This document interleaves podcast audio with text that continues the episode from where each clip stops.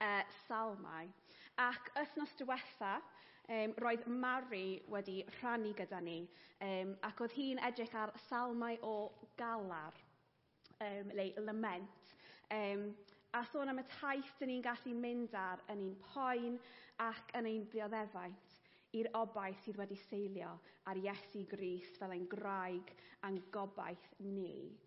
A bore yma, Dyn ni'n troi at salm sydd ella ar y gwyneb yn edrych fel un sydd yn hollol, hollol opposite i hynny hollol, di wneud hollol 180 degree turn o un extreme i'r llall, allai i'r ochr sgeil i'r llall. Achos bore yma, dyn ni'n edrych ar salm o ddiolch.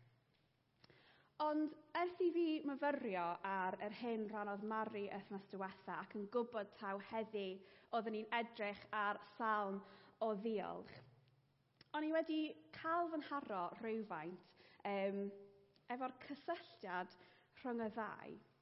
Achos mae'n gallu bod yn ein poen ac yn ein galar ac yn yr amseroedd o, o mynd at ddew yn, yn cwestiynu, yn dod â'n coenion ato fe yn canol y ceinant tywyll dychrynllyd, yn bod ni'n cael yn esgoffa o pwy ydy Dyw. Dyn ni'n profi ei ffyddlondeb a'i ddaioni, a dyn ni'n profi mwy o'i gymeriad di-gyfnewid. Ac o fyna mae'n diolch ni wedyn yn codi. Mae'n diolchgarwch ni yn cael ei newid, a dyn ni fel canlyniad yn cael ei newid a siapio ganddo. Felly, dwi'n meddwl bod yn eitha sylweddol taw heddi dyn ni'n edrych ar salmau o ddiolch. Nawr, pan dyn ni'n edrych ar llyfr y salmau, mae yna tipyn o salmau diolch, um, sioedd efo gyd, a salmau o ddiolch garwch. Ond bore yma, dyn ni jyst am edrych ar un. A dyn ni'n mynd i edrych ar salm 92. A dyn ni'n mynd i ystyried y geiriau hyfryd sydd ynddo fe. Felly, Dyma ni, Psalm 22, dyma beth mae'n dweud. Mae'n beth da diolch i'r arglwydd, a chanu mawl i dy enw di y dew goruchaf. Canu yn y bore am dy gariad, a chyda'r nos am dy ffyddlondeb, i gyfeiliant o fferindectant a nabl a thannau'r delyn. Ti'n fy ngwneud i mor hapus o arglwydd, a dwi'n canu'n uchel o achos y cwbl roi ti'n wneud. Ti'n gwneud pethau mawr o arglwydd. Mae dy feddyliau di mor ddyfn. Dim ond twpsyn sydd ddim yn gweld hynny. Dim ond ffwl fyddai ddim yn deall. Mae pobl ddrwg yn llwyddo, ond maen nhw fel glaswellt. Er bod y rhai sy'n gwneud drwg fel bethau nhw blodeo, bydden nhw'n cael eu dynistrio am byth ond ti ydy'r un sydd uwchlaw popeth, a hynny am byth o arglwydd. Bydd y elynion di arglwydd, bydd y elynion di yn cael ei dinistrio. Bydd pawb sy'n gwneud rygionu yn cael ei gwasgaru. Ti wedi fy gwneud i'n gryf fel eich gwyllt. Ti wedi fy eneinio i ag olew iraidd. Byddai'n cael gweld y gelynion sy'n fy ngoelio yn cael eu trechu a chlywed y rhai drwg sy'n ymosod arna i yn chwalu. Ond bydd y rhai cyfiawn yn blodeo fel palmoedd ac yn tyfu'n gryf fel coed cedroedd yn Libanus. Mae nhw wedi plannu yn heml yr arglwydd ac yn blodeo yn yr iard sydd yno. Bydden nhw'n dal i roi ffroeth pan fydden nhw'n hen. Bydden nhw'n dal yn ffres ac llawn sydd. Maen nhw'n cyhoeddi fod yr arglwydd yn gyfiawn. Mae'n graig saff i mi a does dim anghyfiawnder yn agos ato. A bendith Dew ar ei air i ni y bore yma. Tybed pryd oedd y tro diwetha i chi dweud neu defnyddio'r gair diolch? Ella os ydych chi'n meddwl, mae'n rhywbryd dros yr diwrnod diwetha Neu efallai mae'n fwy diweddar, ers yr amser ydych chi wedi bod yn capel, efallai. Mae'r gair diolch yn gair sy'n cael ei ddefnyddio tipyn, dydy. A mae'n siŵr ein bod ni gyd wedi cael ein magu gyda'r poeslais ar y bwysigroedd o dweud ein plis a diolch. Dwi'n cofio mam a dad yn dweud i fi ambell i waith. Um, be ti'n deud, Hannah? Pan yn amlwg oedd angen dweud diolch ac o'n i ddim wedi gwneud. Neu ti wedi cofio dweud diolch i so and so am beth bynnag? Mae diolch yn gair boesig iawn dydy. Mae'n gair bach ond mae'n gair boesig iawn. Mae'r geiriadur yn disgrifio'r gair diolch fel hyn.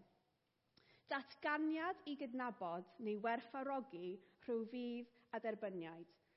Tal, talaid diolch, teimlad diolchgar, parodroedd calon i gydnabod cymoena.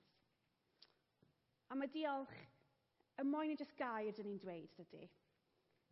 Mae diolch yn dod allan o'n diolchgarwch sydd yn mynd yn bellach na jyst meddylfryd dyn ni'n cael. Achos mae diolch yn agwedd, mae'n persbectif a postio bywyd sydd wedyn yn gallu cael ei fyw allan a gweithredu yn y ffordd dyn ni'n byw a'r ffordd dyn ni'n ymddwyn a siarad. Nawr tybed os oeddech chi'n gallu cofio'r tro diwetha i chi dweud diolch, os ydych chi'n gallu cofio pam oeddech chi wedi dweud diolch, neu at pwy oeddech chi'n diolch? Wel, reit ar ddechrau'r salm dyn ni newydd clywed bore yma, mae salmydd yn pwyntio ni at ateb i'r cwestiwn yna mewn ffordd. Troi cyhoeddi, mae'n beth da diolch i'r arglwydd. A dyn ni'n gweld yn yr adnod cyntaf o'r psalm yma y boesigroedd o ddiolch ac at pwy dyla ein diolch fod. Yr arglwydd. First and foremost, dyla ein diolch ni fod tuag at ddew. Mae'r diolch i'r arglwydd yn peth iawn i wneud, ond yn moyn nid jyst peth iawn i wneud, mae'n peth dda i ni wneud. Pam? ydy dyn dda i ddiolch i'r arglwydd. Pam mae'r salm yn dechrau trwy cyhoeddi bod yn dda i ddiolch i ddew. Dyna dwi am i ni ystyried ychydig gyda'n gilydd bore yma. Yn yn gyntaf, mae'n dda i ddiolch i'r arglwydd oherwydd mae Dyw, fel dwi wedi clywed yn barod bore yma troi'n addoliad, mae Dyw yn ei heiddi. Mae Dyw yn heiddi ein ddiolch a'n diolchgarwch ni oherwydd pwy ydy e. Mae'r adnod cyntaf yn parhau trwy dweud hyn. Mae'n beth da diolch i'r arglwydd a chani mawr i dy enw di, y Dyw goruchaf. Yr arglwydd ydy'r Dyw goruchaf. Daeth neb sydd yn uwch, neb sydd yn cymharu, fe sydd yn teilwng o'n diolch ni. Mae'n Dyw ni ydy'r Dyw sydd yn sofran ac yn teirnasu dros ôl.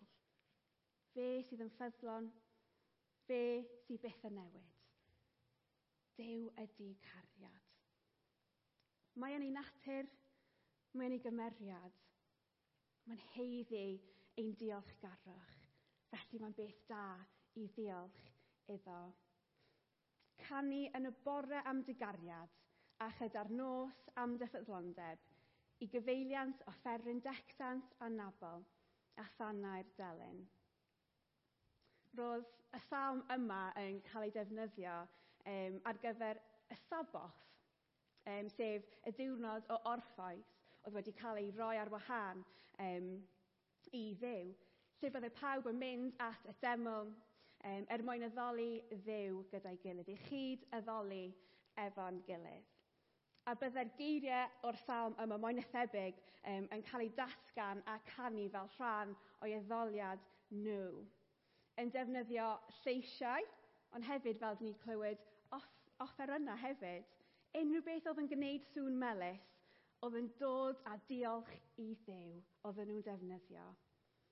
A mae'n boesig i ni cofio bod diolch ac addoliad yn gysylltiedig iawn iawn. Mae'n addoliad ni anmoliant ni yn ffordd i ni fel pobl dew mynegu ein diolch iddo. A mae'n diolch ni wedyn yn arwain ni yn ddefnach mewn i addoliad a gwybod a profi dew a pwy ydy e. Ond dydy ein diolch ac addoliad ni ddim jyst ar gyfer rhyw amser penodol neu pan ni'n dod at ein gilydd ar bore Sul neu hyd yn oed mewn amseroedd penodol o'r wythnos neu o'r diwrnod. Mae'n agwedd parhaol i ni gyd cael. Os dyn ni'n sylwi ar adnod 2, mae'n dweud canu yn y bore am digariad a chyda'r nos am dyffyddlondeb.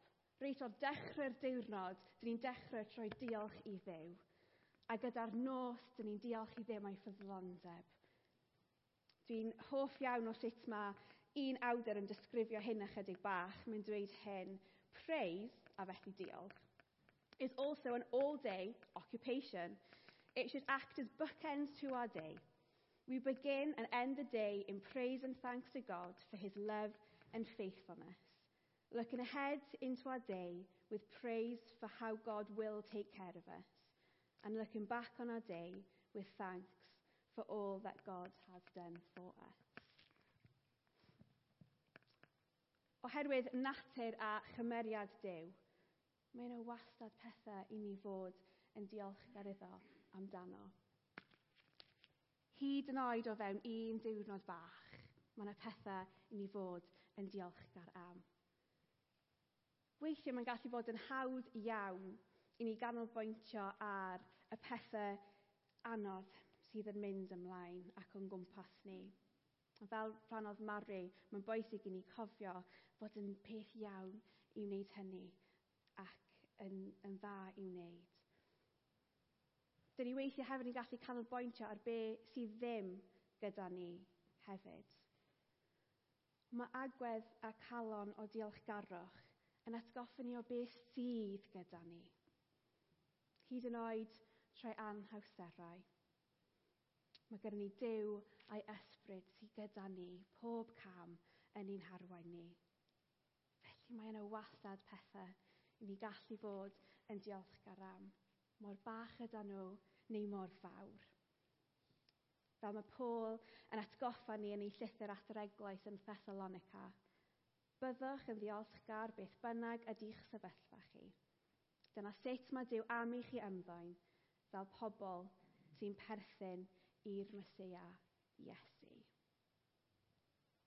Ond nid yr unig gall ni diolch i ddew am pwy ydy e, ond, hewi, ond hefyd oherwydd beth mae Dyw yn ei wneud a be mae Dyw wedi gwneud. Ti'n fy gwneud i mor hapus o arglwydd, a dwi'n canu'n uchel o achos y cwbl roi ti'n gwneud. Ti'n gwneud pethau mawr o arglwydd. Mae dy i di mor ddyfn. Mae ffyrdd dew yn anhygoel. A mae siŵr fan hyn bod y salmydd yn sôn ac yn sefyll ar ei profiad a fe o'r pethau mae Dyw wedi gwneud ac yn gwneud.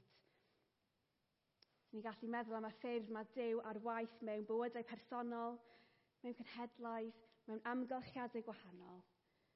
Y ffyrdd mae Dyw wedi bod ar waith lle dim ond yn gallu dod troi Dyw. Mae'r ffocws yn troi ar ddew yn unig a neb arall. Achos mae ffyrdd dew yn berffaith. Mae Eisea yn dweud y geiriau yma. Dydy fy moriadau i ddim yr un fath a'ch bwriadau chi, a dydy fy ffyrdd i ddim yr un fath a'ch ffyrdd chi, yr arglwydd sy'n dweud hyn.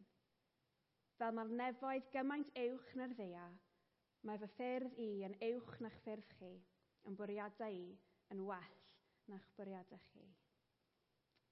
A dyn ni'n gweld hyn llawer trwy hanes y Beibl dydan, lle mae Dyw a'i ffyrdd ef yn uwch ac yn well, neu dim byd y medru ni hyd yn oed ei ddychmygu. Mae salmydd wedyn yn symud ymlaen ychydig i sôn am gyfiawnder ddew. Fel rheswm arall i ni fod yn ddiolchgar. Oherwydd mae Dyw yn uwchlaw bopeth, mae'r ddrwg a'r gylynion yn ei erbyn yn cael ei dinistrio. Maen nhw fel glaswellt fel petai. Ac er bod y rhai sy'n gwneud drwg fel petai nhw'n blodeuo, bydden nhw'n cael ei dynistrio am byth. Yn yr hyn testament, ar amser oedd y salmau yn cael ei ysgrifennu, roedd pobl yn byw gyda gobaith o'r addewid y byddai rhywun yn dod i ddinistrio'r drwg a'r drigioni a'r gelynion oedd eu cwmpas nhw once and for all. Oedden nhw'n byw gyda'r disgwyliad yma o'r hyn oedd i ddod. Ond, yn newyddion da i ni heddiw ydy dyn ni'n darllen y geiriau yma yn goleini hyn. Dyn ni'n byw yn goleuni yr un daeth i concro tywyllwch, rhoi farw ar y groes ac atgyfodi tri diwrnod wedyn. Wedi ennill, buddugol ieithus ac yn cyfiawn. A nes ymlaen byddwn ni'n dathlu swper yr arglwydd gyda'n gilydd ac yn, yn cofio'r arberth moia Iesu ei grist dros pob un ohono ni er mwyn i ni cael bywyd newydd ynddo fe bywyd yn gwybod ein bod ni ar yr ochr fuddugol. Drwy hynny, gallwn ni seilio ein diolch a dathlu arno fe. Felly mae'n da diolch i'r arglwydd oherwydd poediau e, a am beth mae'n gwneud ac yn heiddi ein diolch oherwydd. Ond hefyd, mae'n dda i ni diolch i'r arglwydd oherwydd mae'n diolch garwch ni a'n diolch ni tuag ato fe yn ein tyfu ni fel ei bobl ac yn ein cryfhau ni fel pobl Duw.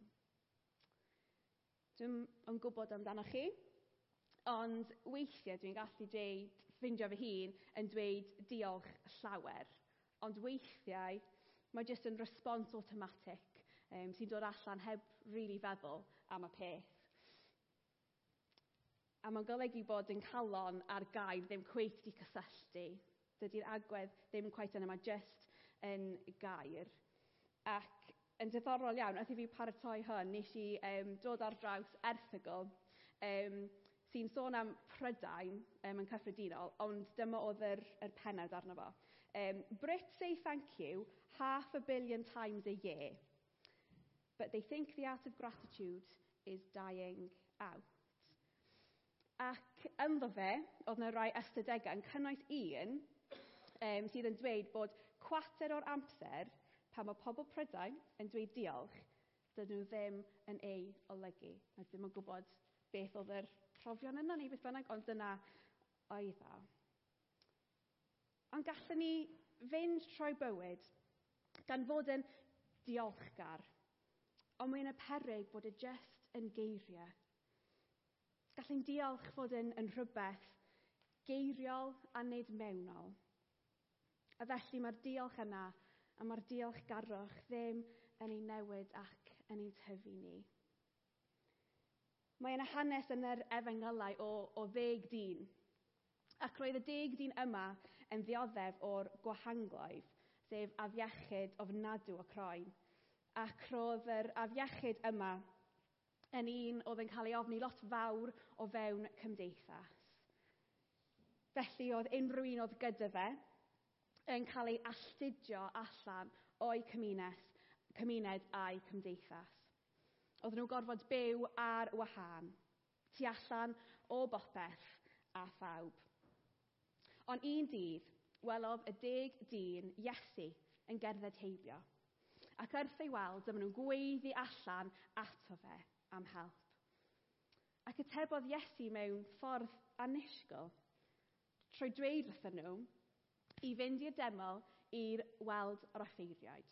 Oedd yr arfer yn y dyddiau yma i'r offeiriaid datgan nhw'n lan ac yn rhan o gymuned unwaith eto.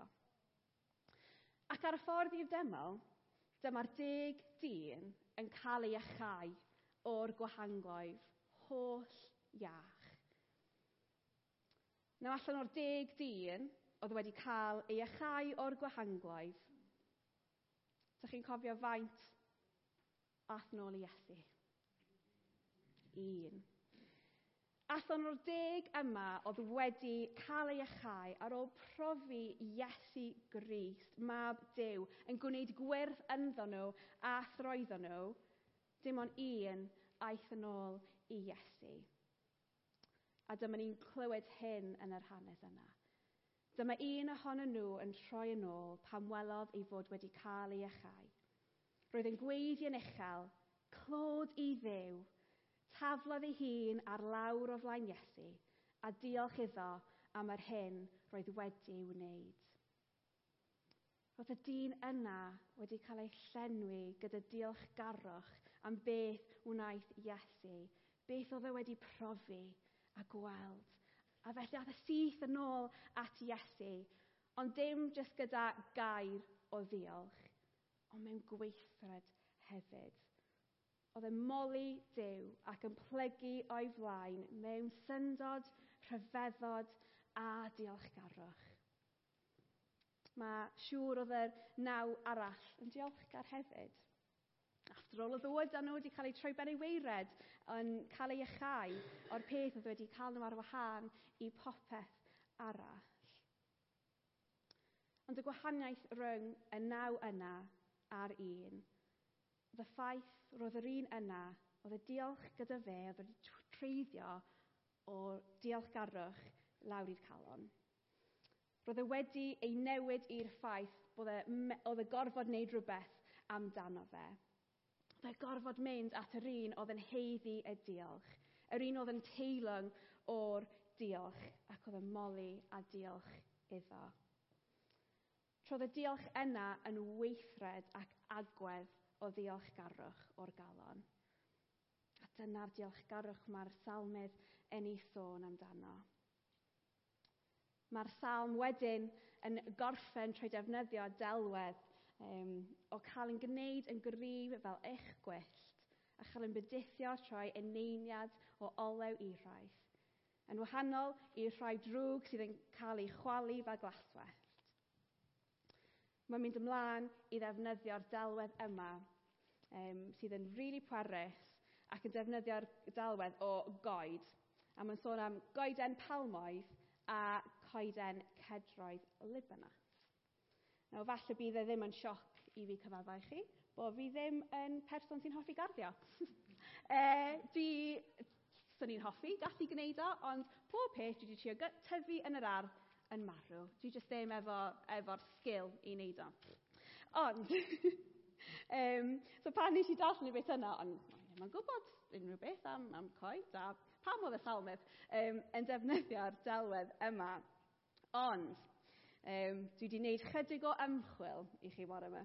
Um, a dwi wedi darganfod mae hwn ydy coeden cedroedd.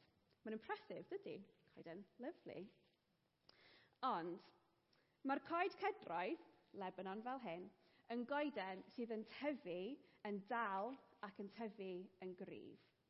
Mae'n gallu cyrraedd uchder o'r 120 troedfed, sy'n tal, dwi'n meddwl, um, ac mae'r boncyf yn gallu bod 40 troedfed mewn cylchedd. Mae'r coeden masif. A mae yna rai coed heddiw sy'n cael ei amcamgyfru i fod fyny at 2,000 mloedd oed. sy'n impresif, dydy. Ond bydd y rhai cyfiawn yn blodeuo fel palmydd ac yn tyfu yn gryf fel coed cedroedd yn Libanus. Maen nhw wedi'u plannu yn heml yr arglwydd ac yn blodeuo yn yr iard sydd yno. Bydden nhw dal i roi ffroeth pan fydden nhw'n hen, Bydden nhw'n dal yn ffres ac yn llawn sydd. Maen nhw'n cyhoeddi fod yr arglwydd yn gyfiawn. Mae'n graig saff i mi, a does dim anghyfiawnder yn agos ato. Os ydy ein colonna ni yn llawn diolch ac addoliad i'r arglwydd, does dim lle i bethau eraill cael yn y ffordd Does dim lle i'n balchder ni ein hunan. Does dim lle i drygioni, a dim lle i'r galynion y byd cael ei ffordd. Byddwn ni'n cael ein greiddio yn gryf ac yn dyfn yn ddew, just fel y coed cedroedd Libanus. Yn cael ein greiddio yn yr un sydd yn heiddi ein diolch, am boi ydy e a beth mae'n gwneud a bydd diolchgarwch yn ffroeth sydd yn tyfu ynddo ni a throeddo ni. Mae cael agwedd a weithred o ddiolchgarwch yn ein cadw'n colonna ni mewn perthynas iawn gyda Dyw. Ac yn ein cadw ni rhag unrhyw beth sydd yn bwgwth o bywyd llawn a rhydd mae Dyw am i bob un ohono ni i brofi. Felly gadewch i ni fod yn bobl gyda colonna o ddiolchgarwch mewn gair, mewn agwedd a gweithred, sydd yn arwain ni yn agosach i at y ddew goruchaf ac yn ein arwain eraill ato fe hefyd. Ydy, mae yn beth da i ddiolch i'r arglwydd. Felly fel ffordd o ymateb i'r hyn dyn ni newydd clywed y bore yma. Gadewch ni treulio bach o amser yn gweddio um, ac mewn amser o ddiolch i ddew am pwy ydy e, beth mae'n gwneud ac wedi gwneud. A wedyn byddwn ni'n troi at byrdd yr arglwydd gyda'n gilydd. Gadewch i ni weddio.